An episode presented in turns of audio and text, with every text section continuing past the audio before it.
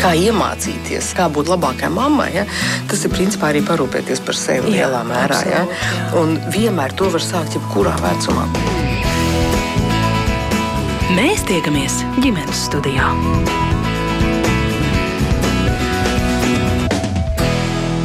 Labdien! Tūlīt ģimenes studijā saruna par bērnu stājas problēmām, jo ilgstoša sēdēšana, pārāk smaga skolas soma, nepareizi iekārtota mācību vieta, viedierīču lietošana un cits mūsdienu dzīvesveidu raksturojošs nodarbes ir bērna pareizi stājas veidošanās ienaidnieki. Kā vecākiem saprast, vai viņa bērnam ir pareiza stāja, kur problēma gadījumā meklēt palīdzību un kā mazināt vidas ietekmi, pērkot bērnam pareizos apavus, ergonomisku skolas somu vai iekārtojot atbilstošu vietu, kur spēlēties un mācīties. Man sauc Mērits Noteņu, un mans sarunas biedrs šodien ir Rīgas Radiņu Universitātes bērnu ķirurģijas katedras docētājs, arī Bērnu kliniskās universitātes slimnīcas bērnu ķirurgs Jānis Upenieks. Labdien! Labdien arī certificētai ergoterapeitei veselības centra apvienot apvienībā Elite Vinetai Mihailovai. Labdien! Un aizputs pirmskolas izglītības iestādes pasaciņas sporta pasniedzējai Unai Mārtiņsonei. Labdien. Arī dzen Latvijas pašvaldību mācību centra lektorei un trenerei, tā kā, mīļie klausītāji, izmantojiet iespēju, raidījuma laikā varat gan sūtīt savus komentārus, gan arī jautājumus mūsu studijas viesiem. Uh, bet mans pirmais jautājums, nu, ko tad saka pētījums? Cik bieži bērniem tiek novērotas stājas problēmas? Uz upenieku kungu vai uz ko lai skatos? nu, labi, sākšu. Principā, protams, šie pētījumi dažādās valstīs un dažādās populācijās ir nedaudz atšķirīgi, bet principā tā tendence neapšaubām ir tā, ka 21. gadsimts ir stājas problēmu gadsimts. Jā, un, un visās valstīs, ne tikai Latvijā, bet arī paskatoties aiz robežas, tie cipari diemžēl aug.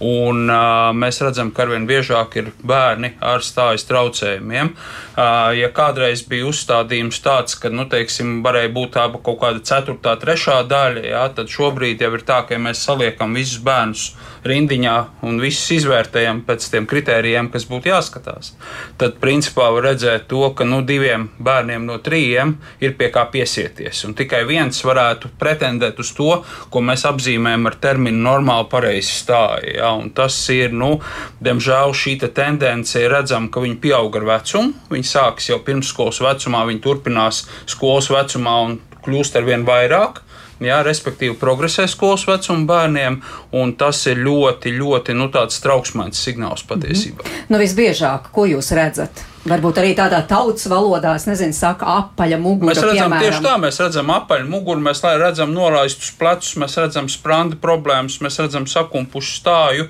Tas ir tā saucamais uh, uh, viedierīču cilvēks, jā, kad cilvēks ir ar apaļu muguru, norautu kaklu, jā, viņš spaida rokās mazu telefonu ekrāniņu, pavada šādu vairākas stundas dienā, un, protams, tas viss atstāja sekas uz visu organismu kopumā. Kādas? Uh, izmainās asins apgāde, izmainās vitālās funkcijas, gan plaušu funkcijas, sirdsdarbība, asinsrīte, viss pārējais, kas mūsu organismam ir nepieciešams, pasliktinās skābekļa piegāde atsevišķām ķermeņa daļām un tā tālāk. Jā, līdz ar to tas viss, ok, ja tas varbūt ir 5 vai 10 minūtes, jā, tad tas tādas paliekošas sekas neatstāja. Bet, ja cilvēks šādi pierod, viņš aug izaug ja, un turpina tādā pat veidā dzīvot ja, pa dzīvi, tad, protams, pēc gadiem tās sekas būs. Nu, tomēr viss sāks bērnībā, kā parasti saka, un uh, par to maskustīgumu tad it kā īsti nevarētu runāt arī par viedierīču lietošanu vēl netik lielā mērā. Uh, kas ir tas, kas tajā pirmskolas uh, vecumā jau varētu sākt veidot nepareizu stāju? Pirmais, Una. ko es pat gribētu teikt, ka tikko bērns sāk staigāt, kad viņš būtu jāņem ārā no ratiņiem tikko bērns staigā, tad ejam ar kājām. Un tad tie bērnu ratiņi varbūt nu, tiešām ir tāds ekstrēmos gadījumos lī, pārvietošanās līdzeklis, kad ļoti ir jāsteidzās.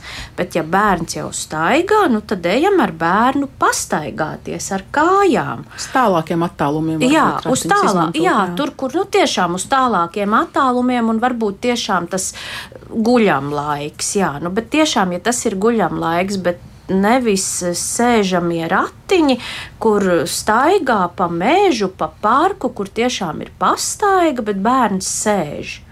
Es domāju, ka tas jau ir tas pirmais, kur bērnam jāiet, ir staigāt. Un tas, ko es redzu, kad bērniem ļoti ķerās kājas viena aiz otras, un arī tikai tāpēc, ka muskulīši nav attīstīti. Mm -hmm. nu, tādā veidā droši vien veicina to bērna maskustīgumu, mm -hmm. bet nu, vēl tā, ko, ko tomēr jūs vērojat, ko vecāki dara nepareizi, nereti. Tad, kad bērns mācās sēdēt, kad mācās staigāt. Jā, tas pirmais, tad, kad mācās bērns sēdēt, nu tad. Uh, no četrāpus bērns apsēžās, un kādā brīdī viņš pats apsēžās, nevis mēs viņu sēdinām. Un tad tas pirmsākums, um, kas, kas man dara lielas raizes, ko jau vēlāk es redzu tieši pie mugurkaula, kad, kad neveidojas viens šis liekums, ir bērna autosēdeklīši. Un autosēdeklīšiem ir jābūt, tā ir dzīvībai nepieciešama uh, lieta, tas ir ļoti, ļoti vajadzīgs, bet autosēdeklīts ir vajadzīgs tikai automašīnā drošībai pārvadājot bērnu. Autosēdeklītim vairs nav vieta ne dzīvoklī, ne lielveikalā, ne uz ratiņiem, jo tas, kas notiek autosēdeklītī, tad bērna Bērns balstās uz šiem gūžas kauliem, un tas arī veidojas kā ieradums pēc tam. Un tad, kad es e, zālē sasēdinu bērnus uz grīdas, tad tas, ko es redzu, nevar šeit parādīt, bet viņi sēž tā pusguļus. -hmm. nu, jo jūs e, strādājat arī bērnu jā, dārzā. Jā. jā. Tātad, ja ir 20 bērni, tad 18 sēž pusguļus, un tikai divi sēž pareizi. Un tas atkal aiziet pa ķēdīti. Tas atkal tas arī ir tas, kas veidos to, jā, tā tad, ja jostas daļā liekums nav, nu tā tad nolieksies uz priekšu. Tā ir amortizācija ķermenim, tas ir, tas ir atkal aiziet pa ķēdīti ļoti daudz traucējumu. Jā, Vineta, ko jūs vēl uzsvērtu tieši par to pirmsskolas vecuma posmu? Es uzsvērtu to, ka vecākiem nevajadzētu baidīties un griezties pie speciālistiem pēc palīdzības, pēc konsultācijas. Ja ir kādas šaubas, varbūt pat viņas nav, tad ir tādas iespējas pastāv mums valstī, kad jebkurš Latvijas pilsonis var saņemt valsts apmaksātus pakalpojumus un ar ģimenes ārstu nosūtījumu mm -hmm. piecas reizes gan pie fizioterapeita, gan pie ergoterapeita, gan pie audiologopēda. Nu, tas jau tajā brīdī, kad mēs sāksim runāt, ko ar šo darīt, bet eh, šobrīd mēs tiešām ģimenes studijā gribam izprast, kā tas veidojas, jo nu, tomēr mani novērojam, ka pirmskolas vecumā jau tomēr visiem bērniem vizuāli, ja paskatās, nevar jau redzēt ne tās sakumpušās muguras, nekādas citas Jā, problēmas. Tā, kad, protams, ietekmē gan fiziskā vide, gan sociālā vide, ja, bērna attīstību. Tas būtu ļoti svarīgi pievērst uh, tam uzmanību. Ja mēs runājam par fizisko vidi, uh, tad viennozīmīgi tie ir tādi faktori, kā pareizes, piemēram, uh, kad bērniņš jau sācis sēdēt. Ja, aktivitāšu sabalansētība. Sabalansēt aktivitātes un pareizi tā kā viņas uh, salikt, lai nav viņas pa daudz, lai nav par ilgu, un nav pārāk grūtas bērnam. Tas būtu svarīgi.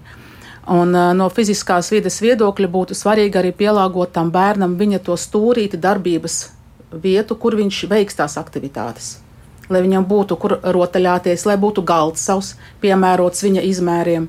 Ir pat izstrādātas vadlīnijas mūsu valstī, kuras, diemžēl, neviens laikam neizmantojas. Viņas izprintēja, bet nepaņēma līdzi Eh, kur ir aprakstīts, kā tam visam jānotiekās pēc vecumiem, kādam jābūt galdam, kādam krēslam, eh, kādā vecumā, cik daudz, tas viss ir noteikts jau. Mm -hmm. uh, nu, parasti par šo runā, tad, kad runā par skolas vecumu bērniem, nē, bet jūs nē, jau arī sakā... bērndārzā, jau bērndārzā, Jā. jau bērndārzā jābūt tam aktivitātēm tā kā sakārtotam.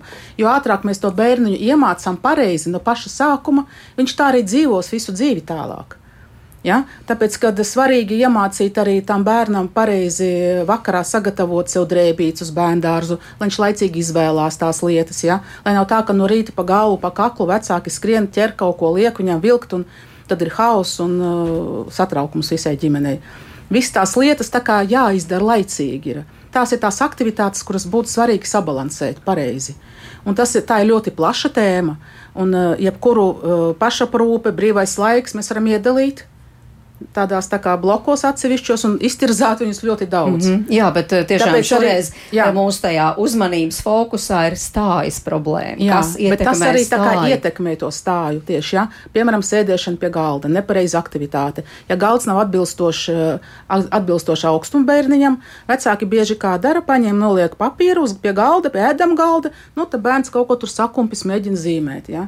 Nu, Tās ir, tās ir aktivitātes, tas ir viss ļoti svarīgi. Kā mums šķiet, nu, sīkumiņš. Tas nav sīkumiņš. Ja? Mm -hmm.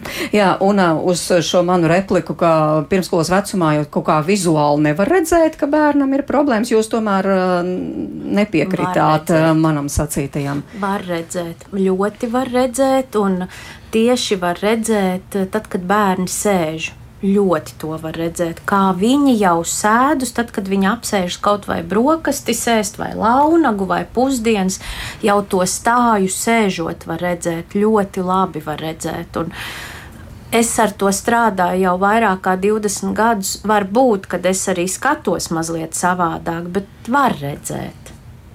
Tiešām tik vienkārši, jo tiešām vecāki jau ir tie, kuri tomēr to savu bērnu visu laiku vizuāli vēro no malas, bet iespējams, ka nu, tik ļoti pierasts es, redzēt to savējo. gribēju teikt, Jā. ka tad, ja tu uz viņu skaties katru dienu, tad ir lietas, ko tu automātiski nepamani, jo tu redzi to bērnu ikdienā, un tu jau esi saradis ar to, ka, nu, ja viņš sēž to apaļo muguru, tā, tad tu esi jau to uztvērs, ka tā, tā, tā normāli būtu jābūt, kaut gan tas tā nav. Uh, tā pašā laikā viņš aiziet uz bērnu dārzu, ja viņi ierauga auklīt, audzinātājs, sporta skolotāji, viņš aiziet uz skolu, viņu uz viņu pastāst kā cits cilvēks, viņš aiziet pie ģimenes ārsta, un tur arī var dabūt šos te slēdzienus un pateikt, paklausies ar tavu bērnu kaut kādu problēmu, varbūt vajadzētu pārbaudīt. Jā. Bet tā tad var jau, pieņemsim, pirms skolas gaitu uzsākšanas, kas tagad daudzām ģimenēm ir aktuāls jautājums, var jau, ja vecākiem tomēr šķiet, nu nav tā, tā kā īsti labi pārbaudīt? Ir tā, ka um, tas arī ir daļa no tā, kas ir uh, šīs obligātās pārbaudes, kas ir uzsākot bērnu dārzu. Tiek, piemēram, prasīta ārsta atzinuma. Viens no ārstiem ir ķirurgs, traumatologs, ortopēds, ja, kurš parasti parast arī skatās. Viena no lietām, ko skatās, ir arī mugurkauls. Ja.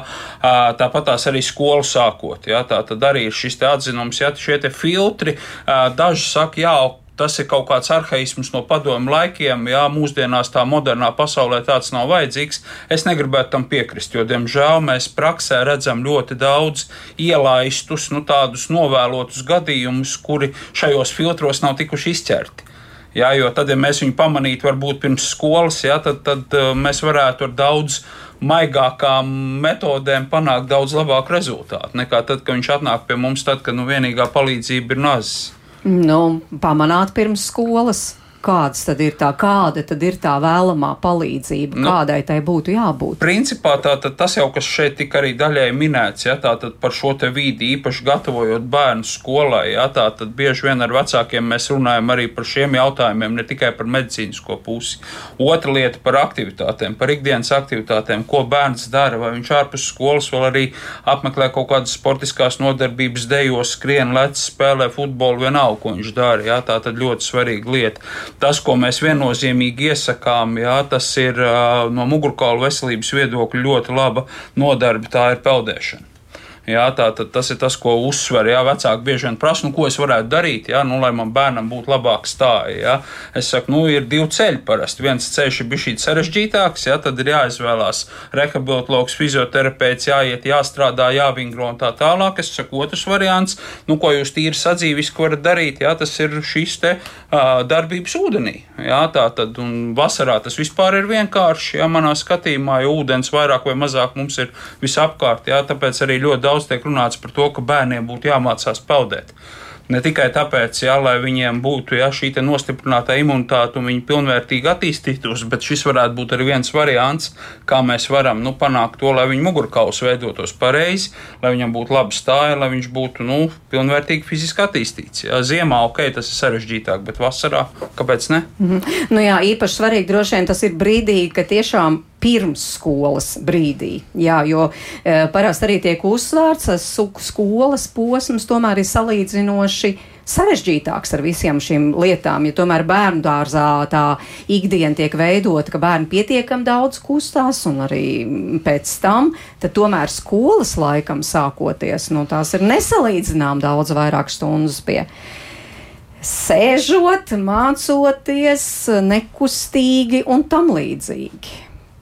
Jā, un problēma ir arī tas, ka teiksim, skolā jau ir atvēlēti šie starpbrīžu laiki, kas ir paredzēti tam, lai bērni izkustētos, lai viņi izk paskraidītu, nezinu, ķermenis vienalga, ko paspēlēt bumbu kaut vai. Ja?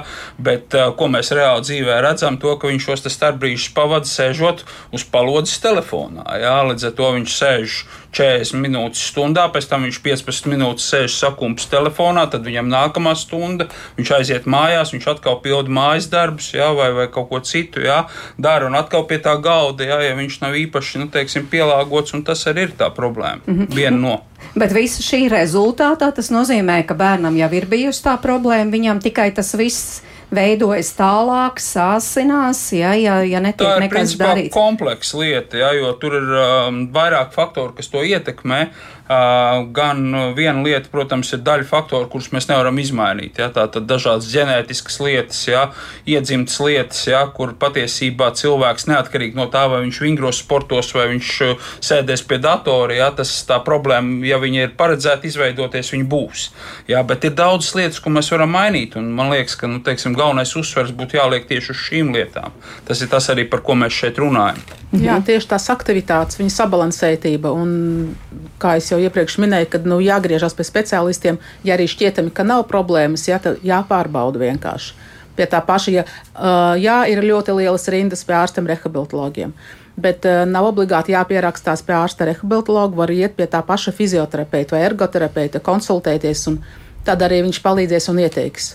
Un redzēs jau, ja ir problēma, tad tālāk nosūtīs izmeklēšanām pie ģimenes ārsta pie rehabilitologa savukārt, jo mēs visi strādājam komandā un nu, lielos centros mēs viens otru blakus esam. Ja, tāpēc tā nav problēma to visu sāorganizēt. Vienkārši jāiet vecākiem un jāgriežas pie ģimenes ārsta un jālūdz nosūtījumus pie speciālistiem. Tas nu, ir tas, jādara. Tas droši vien ir maksas pakalpojums. Nē, tas ir valsts apmaksāts. Viss. Bērniem mm. viss ir valsts apmaksāts. Jā, bet nu, daudz ko jau var arī darīt vecāki lietas labā. Viennozīmīgi rādīt piemēru bērniem, kā viņi uzvedās, kā viņi sēž, kā viņi stāv, kā viņi veic aktivitātes, kā viņi iedarbojās savā starpā, mājās, arī sociālā vide. Jo mēs varam savus bērnus audzināt un teikt, kā pareizi ir jābūt, kā jāsēž, kā jāstāv. Ja paši vecāki to nedarīs, bērni aug uz mūsu piemēriem. Nu, diemžēl, kā mēs dzirdējām uz uh, mūsu piemēriem, bet liela nozīme ir iedzimtībai, vai tomēr šim Daļēji. noskatītajam piemēram, kam ir lielāka nozīme? Es vēl pirms šī gribu ļoti piebilst vienu lietu, kad pedagogs cenšas darīt tā, lai bērnam ir par labu. Un ja pedagogs iet vecākam un lūdz aizvest pie šī speciālista, lai ieklausās. Jo ļoti bieži ir šī pretreakcija, kad manam bērnam viss ir kārtībā. Un tas ir tas ieklausīties. Jā, un šajā kontekstā būtu tomēr tas jau valstiski būtu jāpadomā, lai skolās tomēr būtu vai fizioterapeiti vai ergoterapeiti, kas ir medicīnas pārstāvi, kas iesaka un palīdz skolotājiem. Ja? Uh -huh. Tad tā kā jau tas būs pavisam cits. Uh -huh. Jā, nu, bet nu, mājās tātad es domāju, ka daudz tagad tieši gatavojas skolai. Šie jautājumi ļoti aktuāli. Iespējams, kaut kādās ģimenēs tieši iekārtot, tad eh, pareizi cenšas vismaz iekārtot tā vietu mājās, kur tas bērns darbosies un mācīsies. Uh, it kā jau visi zina, bet varbūt tās uh, pamatlietas atgādiniet, viena kas lieta, ir svarīgi. Jā, viena, nu, pilnīgi noteikti kvalitatīva apavi. Tas, ko es redzu, es redzu, ka apavi ir par lielu, bieži ir par lielu, un atkal kā bērns staigā. Viņam pat varbūt ar pēdu viss ir kārtībā, bet iedomājieties, ja viņam tas apaus ir jānes, nevis apaus nes bērnu. Kāda ir šī atšķirība? Nākošais ir maziem bērniem zeķu bikses. Nu, ja pērk zeķu bikses, tad lai zeķu bikses ir atbilstoši izmēram. Jo atkal, kas notiek, ja tā zeķu bikses visu laiku ir nošļukušas? Atkal, kāda, kāda ir gaita, kādas ir bērna kustības. Tāpat atcerēties, ja mēs sagatavojam, es varbūt tīri par, arī par skolu, bet tieši par pirmsskolu, bērnu ģērbt kā uz darbu Bērns neiet uz ballīti, bērns iet uz darbu, un bērnu dārza vide ir kustīga vide. Nekādā gadījumā, lai tās nav iespīlētas džinsu bikses, kuras bērns pat uz toleti viņš nevar aiziet bez pieaugušā palīdzību. Lai bērns ir atbilstoši izmēram, eh, bērna apģērbs, bērna apavi, nu, un attiecīgi arī visas mēbeles, protams. Lai nav Jā. modes skate. Jā, lai nav Noteikti. mode, lai vecāki neveido modes skati, mm -hmm. bet ir tā, ka lai bērns varētu sev pašaprūpēt pats. Jā. Viņš pats spētu sev novilkt tos legingus, ērtos, koku vilnas, uzvilkt, un lai Un starp citu, viens no stājas arī ietekmējošiem faktoriem ir pareizs stājas, kad bērns pats ģērbjas, cik daudz muskulatūras tur ir iesaistīts. Nu, parasti par šīm lietām nerunā, jo tas man mazliet izbrīna, ka arī tomēr piemērots apģērbs, es to varētu saistīt ar pašaprūpas iemaņām, bet ka tās arī ietekmē bērna stāju, piemēram. Nu, kaut vai ja apavus, nu kā vecāki jau tālredzīgi būdam un zinot, ka bērnam tā kājiņa izaugs pēc Jā. īsa brīža, nu viņi pērk tos lielākos apavus, bet ka tas ietekmēs bērnu stāju, atklāt sakot, es dzirdu pirmo reizi. Varbūt, uh, doktori, jūs te varētu pakomentēt, jo parasti par apaviem un maziem bērniņiem runā, nu tad, bet Nu, jā, nē, protams, jautājums ir tāds, nu, ja mums ir arī pieaugušs cilvēks, ja viņš uzvilks jā, vienu vai divus vai trīs izmērus lielāku kurpi, jā, nu, mums nebūs pārāk ērti staigāt. Jā, mēs varam varbūt dažas minūtes pavadīt šādā veidā, jā, kā čaplini, jā, bet būtībā ir tā, ka, ja bērnam ir ierobežota aktivitāte, tad tas arī ir tas negatīvais moments. Nevis pati tā kurpa kā tāda kaut ko sliktu nodara, bet tas, ka nu, viņa rada traucējumu, tāpat tās apģērbs. Jā, es piekrītu, jā, ka tas, tas varētu būt viens no argumentiem. Tāpat tās arī bieži vien vecāki rēķinās ar to, ka, nu, par- pareizāk sakot, rēķinās, ka bērns izaugs, jā, un, piemēram, sagādā viņam kaut kādu nu, to sēdu virsmu, galdu, darba virsmu, jā, bet uh, reizēm ir tā, ka bērns pavasarī izaug, nu, tur plaukstas vai sprīžu tiesu, jā, un tas galdiņš, ko jūs esat viņam sagādājuši, piemēram, pavasarī labu gribot, viņš varbūt rudenī ejot skolā jau būs tā, ka ceļgals sitīsies pret zodu, jā. Tāpēc prātīgi ir nopirkt funkcionālu galdu uzreiz, kur var pielāgot uz vairākiem gadiem. Protams. Tas būs daudz ērtāk un lētāk. Vecākiem jānopirkt kvalitatīvu funkcionālu galdu, kuru var augstumu mainīt. Līdz ar to arī bērns varēs veikt aktivitātes gan sēdus, gan stāvus, kas ir arī pozitīvi ne tikai bērniem, bet pieaugušiem arī. Ja?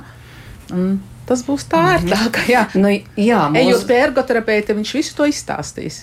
jā, nu, mūsdienās tiešām ir tā priekšrocība, ka tas tiek piedāvāts tirgū. Piemēram, kā jūs teicāt, šādi galdi, kuru augstumu var regulēt, vai arī, ja runājam par skolas somām, kas droši vien arī būs, vai daudziem šobrīd aktuāli lieta, tā saucamās ergoekonomiskās uh, mugursomas, bet tam tiešām visam ir ļoti liels pamats, ka Milzīgs. Ka ir vērts ieguldīt lielāku naudu. Uh -huh. nu, tas nesīs to ar tava būs tomēr bērna veselība. Es pat domāju, ka tas nevienmēr dārgi maksā. Vienkārši vairāk piepūles pieprasa vecākiem. Tagad var internetā atrast daudz lietas, nopirkt un lētākas nekā veikalā. Un precē tiek pielikts klāt gan svars, tai somai, piemēram, jā, gan vizuālo to var apskatīties. Eh, Somai jābūt ir eh, 10% no bērna ķermeņa svara ne vairāk. Tas ir cik tur var būt kilograms, jā, apmēram tā. Tas ir tukšai. Jā, un nu, par pilnu somu runājot, ir daudzas, somu, ir daudzas skolas jau tā kā izveidojuši tādu praksi, kad, eh, piemēram, mācību grāmatas viņi dublē. Ir eh, viena grāmata skolā, otra mājās. Ja tā nav, tad vecākiem vajadzētu pašiem parūpēties un sakopēt saviem bērniem. Varbūt nevajag visu grāmatu uzreiz, bet pa mazlietiņām tā kā un tad kopēt to izdomā, vai tu skoliņiem, vai tu mājās viņu tur. Un, bet nelikt tam bērniņam nest to visu smago somu uz skolu, sev tā kā mocīt un muguriņu bojāt. Jā, tas skolas somas smagums ir ļoti gadiem aktuāla tēma. Un es teikšu, godīgi, kamēr man pašam nebija bērni, es uz to skatījos bišķīt savādāk. Bet kopš man viņi ir plašā pulkā, tad es principā vecākiem parasti saku tā, tā ka viņi man uzreiz saka, jā, bet man bērnam tik smagi skolas soma jānēsā. Jā. Es viņam parasti saku, cik bieži jūs ieskatāties tajā skolas somā, jo bērni, diemžēl, pamanās tajā somā pārnēsāt neiedomājamas lietas. Vajadzīgas, nevajadzīgas, un tas viss kopā pa gramiņām, pa gramiņām arī tos kilogramus veido. Un nevienmēr tā smagā soma, kur tur reizēm pieaudzis cilvēks knapi pacēl, ir tāpēc, jā, ka tur ir šai dienai vajadzīgās lietas līdz uz skolu. Tā ir vēl viena lieta, ko varbūt es gribētu akcentēt. Mm. Revīzijā tas ir Revīzija, jā, regulāri. tā ir regulāri, diemžēl. Bet tas ir svarīgi. Tas ir ja? svarīgi, protams, jo šis Domājot tas par mu- uh, stājas. uh, Ja viņš ir pa veselību. daudz, viņš, protams, negatīvi ilgtermiņā viņš negatīvi ietekmēs šo mugurkaulu. Iemācīt pareizi to somu nesāt bērnam. Tas ir svarīgi būt parādīt. Uz abiem. uz Pirmkārt, abiem jā, lai viņi būtu uz abiem Jā. pleciem, jā, jo, jo pleciņa arī, lai ir obligāti svarīgi. pat tad, ja tā mugursoma ir abu plecu kārtīgi mugursoma bērniem, ir tas niķis, uzmet vienā plecā un aiziet aidā, jā, vai, teiksim, pārliek pāri galvai, tā kā pleca soma uz vienu pusi, jā, un, un tas ir ļoti, nu, tas, tas ir negatīva lieta, jā. Īpaši tie cilvēki, kam jau ir tendence uz kaut kādiem stājas traucējumiem, tad visiem šiem sīkumiem ir jāpievērš uzmanība. Nu, bet jūsu vērojumi, cik piemēroti tad vide ir, piemēram, jau izglītības iestādēs? Domā par šīm lietām, mēs tā kā vairāk uh, par uh, vecākiem un viņu atbildību.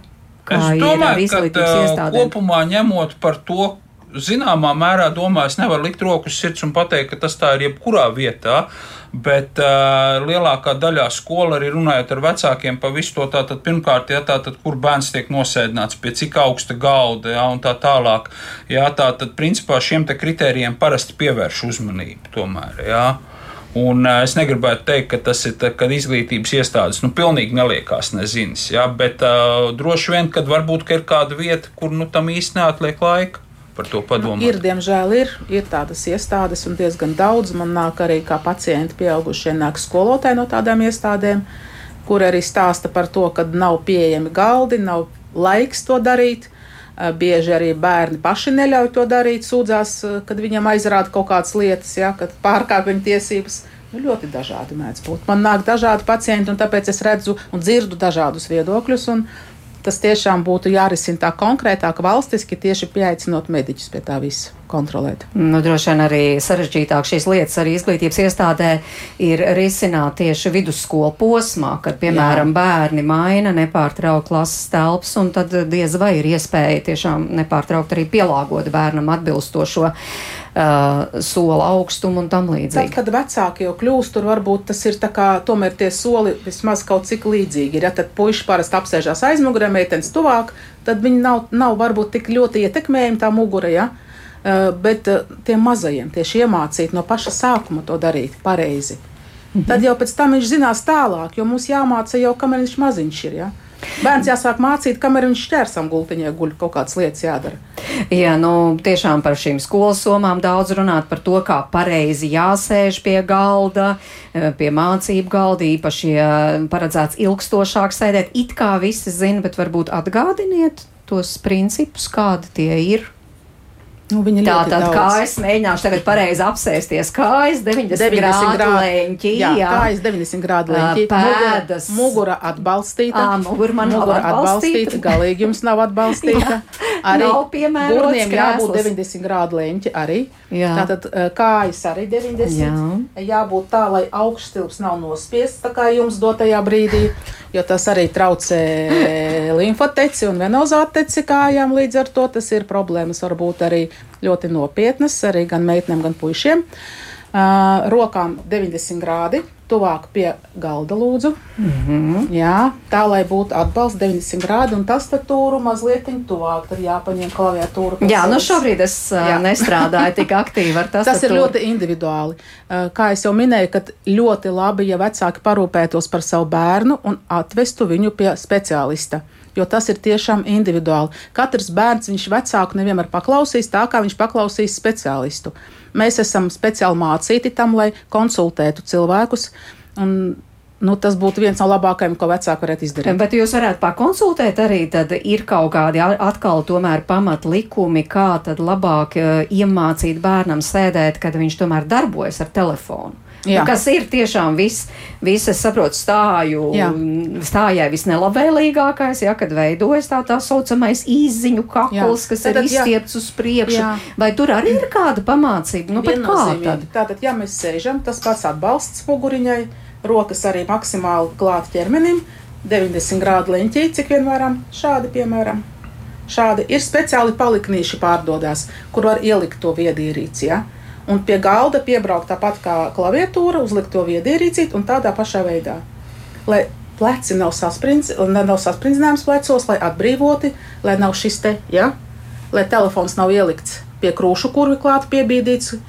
Nu, tas pats viss 90 grādu leņķis un, un, un laiks, laiks jā, lai nebūtu ilgi, pārāk ilgi, jā, tas tam arī ir nozīme. Jā, tieši tā, jā. Mm -hmm. Tas būtu jākontrolē. Un obligāti varbūt pat ieprogrammēt telefonu un ik pēc laika tomēr izvingrināties. Atgādinu mūsu klausītājiem, šodien ģimenes studijā ir uh, ķirurgs no Bērnu Kliniskās universitātes slimnīcas un arī pasniedzējs Rīgas Tradiņu universitātē Jānis Upenieks ergoterapeite, certificēta ergoterapeite Vineta Mihailovu un arī sporta pasniedzēja bērnu dārzā, arī Latvijas pašvaldību mācību centra lektora un treneru Una Mārtiņsona. Mēs tātad par bērnu stājas problēmām, kādas tās ir un kas ir tie zelta likumi, kas tomēr jāatceras, lai bērns augtu pēc iespējas staltāks un līdz ar to arī viņa veselībā pēc iespējas mazāk tikt ietekmēto. Mums arī ir daži klausītāji jautājumi, varbūt varat arī rakstīt un jautāt. Nu, piemēram, divu bērnu māmiņa mums raksta, bērnu līdz 9 gadu vecumam nevar un nedrīkst sēdēt bez pārtraukuma 40 minūtes. Bet kā ir skolās?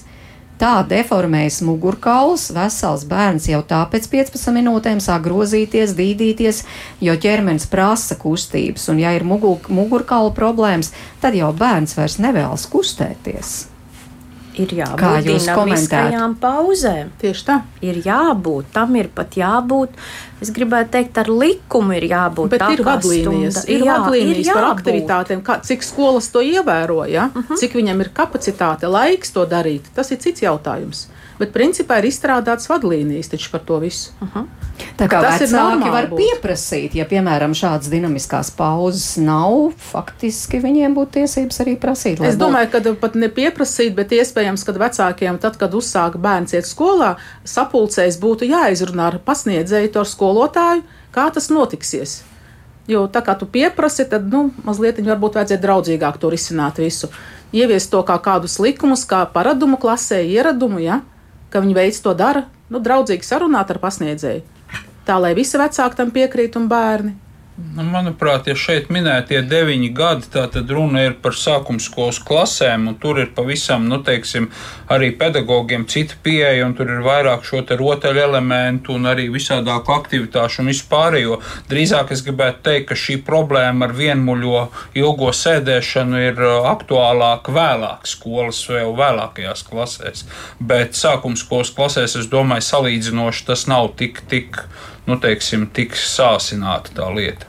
Mhm. Tur būtu pareizi varbūt tiešām uh, pedagogam iemācīt pareizi sēdēt, ar pareizu atbalstu, ar pareizu rociņu, ar pareizi novietotu uh, burtnīcu, ja, ar atbalstu rociņai, lai bērniņš nesēž sakumpis muguriņu tādā pozā. Tas būtu svarīgi. Nu, būtu labi, jā, ja pedagogiem būtu laiks Tieši arī tā. nodarboties ar šādām lietām. Protams, ka tas, tas būtu tas brīnišķīgi. Tas ir tā kapacitāte, ko es teicu, kas viņiem parasti nav, ko viņi paši arī sūdzās pedagogu, man piemēram. Jā, jā bet, nu, ja gadījumā, kā mēs te runājam, tomēr viss ir aizgājis greizi un, un, un tomēr bērnam veidojas un attīstās un attīstās aizvien lielākas stājas problēmas, un jūs jau pieminējāt vairāk kārt tieši Vineti to uzsvēr, ka tad, nu, būtu jāmeklē speciālistu palīdzību, ka arī valsts nodrošina palīdzību un tam līdzīgi. Un te mums teica raksti ir kaitinoši klausīties par to, ka it kā viss ir valsts apmaksāts. Jā, varbūt ir, bet rindas ir no sešiem mēnešiem līdz diviem gadiem. Un ja bērnam ir problēma, tad kurš gaidīs divus gadus, lai saņemtu valsts apmaksātu pakalpojumu? Ir dažāds, ir dažādas poliklīnikas, ir dažādas slimnīcas, ir dažādas rindas. Tas nav, valstī nav vienotas rindas. Tātad vecākam ir jāzvan uz vairākām vietām un jāinteresējas. Piemēram, mūsu poliklinikā nav tik briesmīgas mm. rindas. Tas ir bērns. Valsts ļoti labi maksā, labprātīgi apmaksā visu bērnu pakalpojumus. Tā ir organizēšanas problēma iespējams, bet, nu, Bet tā tad valsts ko nodrošina? Kas tā ir? Tā ir korģējošā vingrošana, kas šādos gadījumos valsts ir visefektīvākā, vai, vai kāda ir tā palīdzība? Ir par vingrošanu tā. Ļoti labi, ka bērniņš šeit vingrot pie fizioterapeita, iemācās vingrot darīt. Viņš atnāk atpakaļ uz skolu, uz māju un atkal atsēžās. Sākam visu no jauna. Tātad pirmais, kas būtu jādara, jāievēro ergonomikas pamatprincipi. Un jāvingro, tas jādara kompleksā viss. Tas ir nu, veselam bērnam, kur varbūt ir mazliet izmaiņas. Ja? Nu, cik ilgs tāds vingrošanas periods būtu vajadzīgs, lai būtu patiešām redzamas izmaiņas? Ļoti nu... individuāli. Piecas, desmit reizes ļoti individuāli. Katram cilvēkam tas ir tāds individuāls process. Kā jau minēju, tātad valsts apmaksā ar ģimenes ārsta nosūtījumu piecas reizes pie fizioterapeita un piecas reizes pie ergoterapeita un pie audiologopeida. Mhm. Tā kā vecāki var iet un prasīt to, tās, tos nosūtījumus uz U27. Es tagad. saviem mm -hmm. pacientiem parasti saku tā, kad man uzdod jautājumu, cik ilgi mums jāvingro, cik ilgi mums jāiet pie fizioterapeita, tad es saku, ka jūs ejat pie fizioterapeita tā kā uz skolu. Jūs iemācāties vingrojumus, jūs to pierakstat uz lapiņas, jūs to filmējat, fotografējat. Ja nevarat atcerēties, jūs aiziet mājās un jūs to darat ikdienā paši. No tā, ka Pareizi. jūs aiziesiet piecas vai desmit reizes, tas Nē. ir tā kā pīlē ūdens. Un atrādīties pēc kāda laika, atrādīties, vai pareizi kaut ko jaunu. Jā paskatīties, ja tikai tad būs kaut kāda jēga. No tām piecām vai desmit reizēm nebūs jēga. Nu, tieši tā, bet uh, viena lieta ir iemācīties, bet otra lieta tad būt tik uzcītīgiem pāri savam teikt. personiskajam jā. slinkumam, un tā ir vislielākā problēma. Jā, jo cilvēks no dabas ir slinks, un bērni arī reizēm viņiem ir simts un viena nodarba, un viņi mazāk pa visu grib vingrot. Uh, Reizēm es diezgan nekaunīgi arī sēžu blakus māmiņu un saku, nu tad ir jāvingro kopā ar mammu vai tēti vai brāli vai Tas māsu visiem barā, jo tad varbūt kāds saņemsies un tomēr viens otru motivēs to darīt, jā, bet, bet tur, tur ir vairāk motivācijas jautājums. Jā, un jūs kā treneri varētu vēl uh, pastāstīt, kā tiešām motivēt to darīt ilgstoši, jo droši vien tas tiešām šīs piecas vai desmit reizes neko būtiski nemainīs, bet kā kā tad palīdzēt uh, šo motivāciju veidot? Un... Jā, es gribēju teikt, ka tas ir visu mūžu. Kamēr cilvēks dzīvo, viņam ir jāvingro. Un tas ir ļoti svarīgi, jo muskulim ir atmiņa. Un uh, muskulis, kamēr tu muskuli kustini, tikmēr muskulis strādā, tikmēr, kad tu muskuli nekustini, nu viss, viņš, viņš aizmirst par savu uh, dzīvi, kad arī, kad arī muskulim kaut kas ir jādara.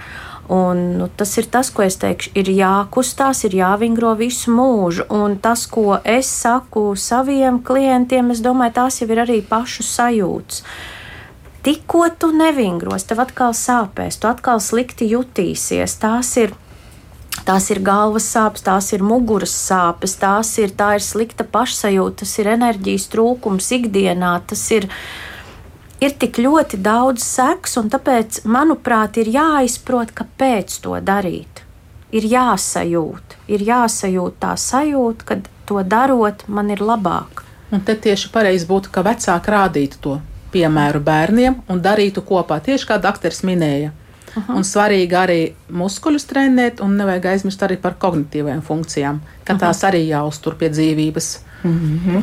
nu, jā, mums klausītāja Elīna raksta, 90. gadu sākumā pirmsskolā bērniem pārbaudīja stāju, man konstatēja skoliozu un pirmajā klasē bija jāmācās sanatorijas internāta skolā. Četru gadu laikā stāja uzlabojās. Tā kā tas var būt efektīvi, jā, šī vingrošana. Tas nu, tiešām nu, ir palīdzoši. Tā, ka lielākā daļa no šīm struktūrālajām mugurkaula patoloģijām, tā skaitā minētā skolioza, ja viņi tiešām tur tāda bija, jā, viņām ir tendence, ka viņas var piebremzēt progresēt, jā, un, un, un apturēt, un viņi neprogresē. Un tas izliekums, kas ir nedaudz daži grādi, jā, teiksim, viņš vairāk nepaliek lielāks. Cilvēks uzlabo muskuļu līdzsvaru un var normāli funkcionēt. Mēs moderni sakām, necieš dzīves kvalitāti no tā. Mm. Bet tas ir jebkurā vecumā. Jebkurā vecumā, ja to sāk, Drīzāk vai es- pirmsskolas, vai skolas, vai varbūt vidusskolas, tas vienmēr būs efektīvi. Es negribētu teikt, ka tik labi tas skanētu. Tad jau būtu baigi, baigi sauda tā dzīve, bet drīzāk es teiktu, ka tas ir atkarīgs no šī deformācijas uh, izteiktības pakāpes. Jā, jo, ja, tie, nu, ja mēs runājam matemātiskos skaitļos, piemēram, ar 10 vai 15 grādiem, tu vari izliekumu, tu vari iet un vingrot un būs labi, un tu vari panākt to, ka daļa no šīs deformācijas izkoriģēsies. Piemēram, jā, bet, ja tev tur būs 30, 40 vai 50 grādi, tad ar vingrošanu vien, pat tad, ja tu to darīsi trīs reizes dienā, varētu arī nepietikt. Mhm. Un jūs gribējāt piebilst? Es gribēju teikt, jā, tieši par šito, tāpēc ieklausieties speciālistos, vedat pie speciālistiem, un ja jums kāds saka, aizvediet, dubults neplīst, aizvediet. Man pašai tikko bija gadījums dažus gadus atpakaļ, kad es novērtējot, eh, man ir arī tiesības diagnosticēt bērnu stāju. Un uh, es katru gadu saviem piecus gadus veciem bērniem pie kifos koloziometra vai kā viņi paskatos. Un ar eh, formulām es pie Marka Kļūjeva profesora mācījos. Mūs apmācīja šo metodi un paskatos, un ja man ir mazākās aizdomas, es aicinu. Un manā darba stāžā diviem vecākiem, patiešām eh, diviem bērniem, divi vecāki patiešām šos skoliozus pašus, pašus pirmsākumus atklāja. Un meitenei, jā, tai vienai meitenei bija jānēsā korsete, mm. bet tas, ir, tas bija arī tas, ko, tas, ko vecāki teica, paldies, ka tas ir atklāts tik ļoti ātri. Un līdz ar to ir milzīgi, res, tas ir pilnīgi kaut kas cits. Tas ir tik laicīgi atklāts, ka ar to var strādāt. Te vēl būtu varbūt jāpiebilst par to, ka eh, vienmēr profilakse būs lētāka nekā ārstēšana. Un tad vai, varbūt vajadzētu tiešām vecākiem griezties pie speciālistiem un pārbaudīt to bērnu laicīgi, kamēr nav problēmas. Mm. Mhm, Nu jā, bet tad mammai vai tētim pašam būs grūti tomēr šādi, piemēram, to skoliozi atklāt pašā, pašā pirmsākumos, kā jūs Nu, teicāt, domāju, pašā sākuma posmā, kad, kad Pašiem vecākiem diez vai, bet tāpēc pie, pie vismazākās, bet ir apkārt ir cilvēki. Un vienmēr no malas kāds nu, to pamana, to ieraug. Un tiešām vecāks pats, pirmkārt jau vecākam pašam, viņa bērniņš ir vismīļākais, vislabākais, visskaistākais, visgudrākais, un tas tā arī ir. Bet apkārt, apkārt esošie gan pedagogi, gan ārsti, mēs paskatāmies mazliet savādāk. Un ir jāieklausās. Nu, bet varbūt tad vienkāršāks ceļš, tad tomēr domāt par to, ka katram bērnam tomēr būtu nepieciešams pietiekams kustību daudzums, par ko mēs arī šeit studijā esam runājuši, un tā zelta formula laikam ir 60 minūtes katru dienu un trīs reizes nedēļā tāda intensīvāka slodze. Bērniem par maz, bērniem, Bērniem par maz. Tas bērniem daudz par absolūtais minimums. Jā, bērniem vismaz trīs stundas ir jābūt tādām aktīvām Un kustībām. es domāju, ka vajadzētu vēl izvērtēt arī tās aktivitātes, Jā. kādas bērns dara. Es domāju, doktors eh, zina, par ko es runāju, kas notiekās tagad, cik daudz traumatiski bērni Jā. nāk slimnīcā. Pēc skate parka vēl kaut kā- kādas aktivitātes tiek izveidotas bez ārstu konsultācijām, bez treneriem, kur vecāki vienkārši liek viņam aktivizēties, iedot to pašu skate un ej braukā. Nu, tas arī nebūtu pareizi. Par to arī būtu jāpadomā, lai mazinātu to traumatismu un Bet tad tās pareizākās aktivitātes, kuras tieši, ja bērnam ir stājas problēma, kuras var palīdzēt, uh, doktori, jūs jau pašā raidījumā, manuprāt, sākumā teicāt, tā ir peldēšana. Uh, kas vēl ir tāds, ko jūs ieteiktu, kā speciālisti, kas ir tieši bērniem, kuriem ir, nu, tomēr noslēdz uz tā- tādām vai citādām tam stājas problēmām, kas var palīdzēt? To mēs izrunājām, bet varbūt citas tomēr. Uh, principā, jebkurš aerobais treniņš. Jā, tā, tad, tas ir tas, ko, nu, ko mēs, mēs pat ne, nesakām tā, ka, nu, ka tev ir atļauts, ka tu nedrīkst spēlēt basketbolu, bet drīkst spēlēt futbolu. Nebūtu nē. Tas, ko mēs varbūt aicinām vecākiem nu, teiksim, nedarīt, ir izvēlēties kaut kādu izteikti asimetrisku sporta veidu. Jā, nu tad daži saka, jā, viņš nevarēs ar šķērsmešanu nodarboties. Ok, varbūt, ka nevarēs. Jā, tas nebūtu ieteicami. Jā, vai, vai arī to pašu tenisu var spēlēt uz abām pusēm un tā tālāk. Jā. Bet nu, teiksim, tas ir viena no lietām, ko mēs sakām, nu varbūt šitos nē, jā, teiksim, pārunājot. Jā. Bet uh, savādāk mēs neesam pilnībā pret jebkādu fizisku aktivitāti patiesībā. Svaigā gaisā un jo vairāk, jo labāk mēs parasti tos minimālo nenosakām. Jā, mēs sakām, ka vienmēr var būt pa maz, pa daudz nevar būt. Mm -hmm. Dabiskas kustības. Iet laukā, spēlēt, jebkuras kustību rotaļas. Ar kailām pēdām iet, iet pastaigāt pa pļāvu, iet eh, pa smiltīm, salasīt ar pēdām akmentiņus, koku zārus, pakustināt. Iet bērnam ļaut, iet pa apmalīt, uzkāpt, nokāpt, uzkāpt kokā, nokāpt no koka lejā, jābūt blakus, pastāvēt, bet palīdzēt izžaut vēļu ar abām rokām, tik kolosāli izstaipīties kokā, pakarināties tādas ikdienišķas, vienkāršas kustības, kustēties. Bezmaksas kustības pie tam. Jā, nav, bet pašiem sākt ar savu piemēru. Jā, nu reti redz tos bērnus tā vienkārši ārā kustamies. Ilze mums raksta, mani bērni sākumskolas vecumā ir aktīvi, dejo, viens arī sporto, bet ir ar salīkušiem pleciem. Vai tiešām tas varētu būt iedzimts un ko darīt, lai tas mazinātos? Es nesaprotu, kāpēc dejošana nepalīdz. Dzīvojam laukos un vingrošana nav pieejama.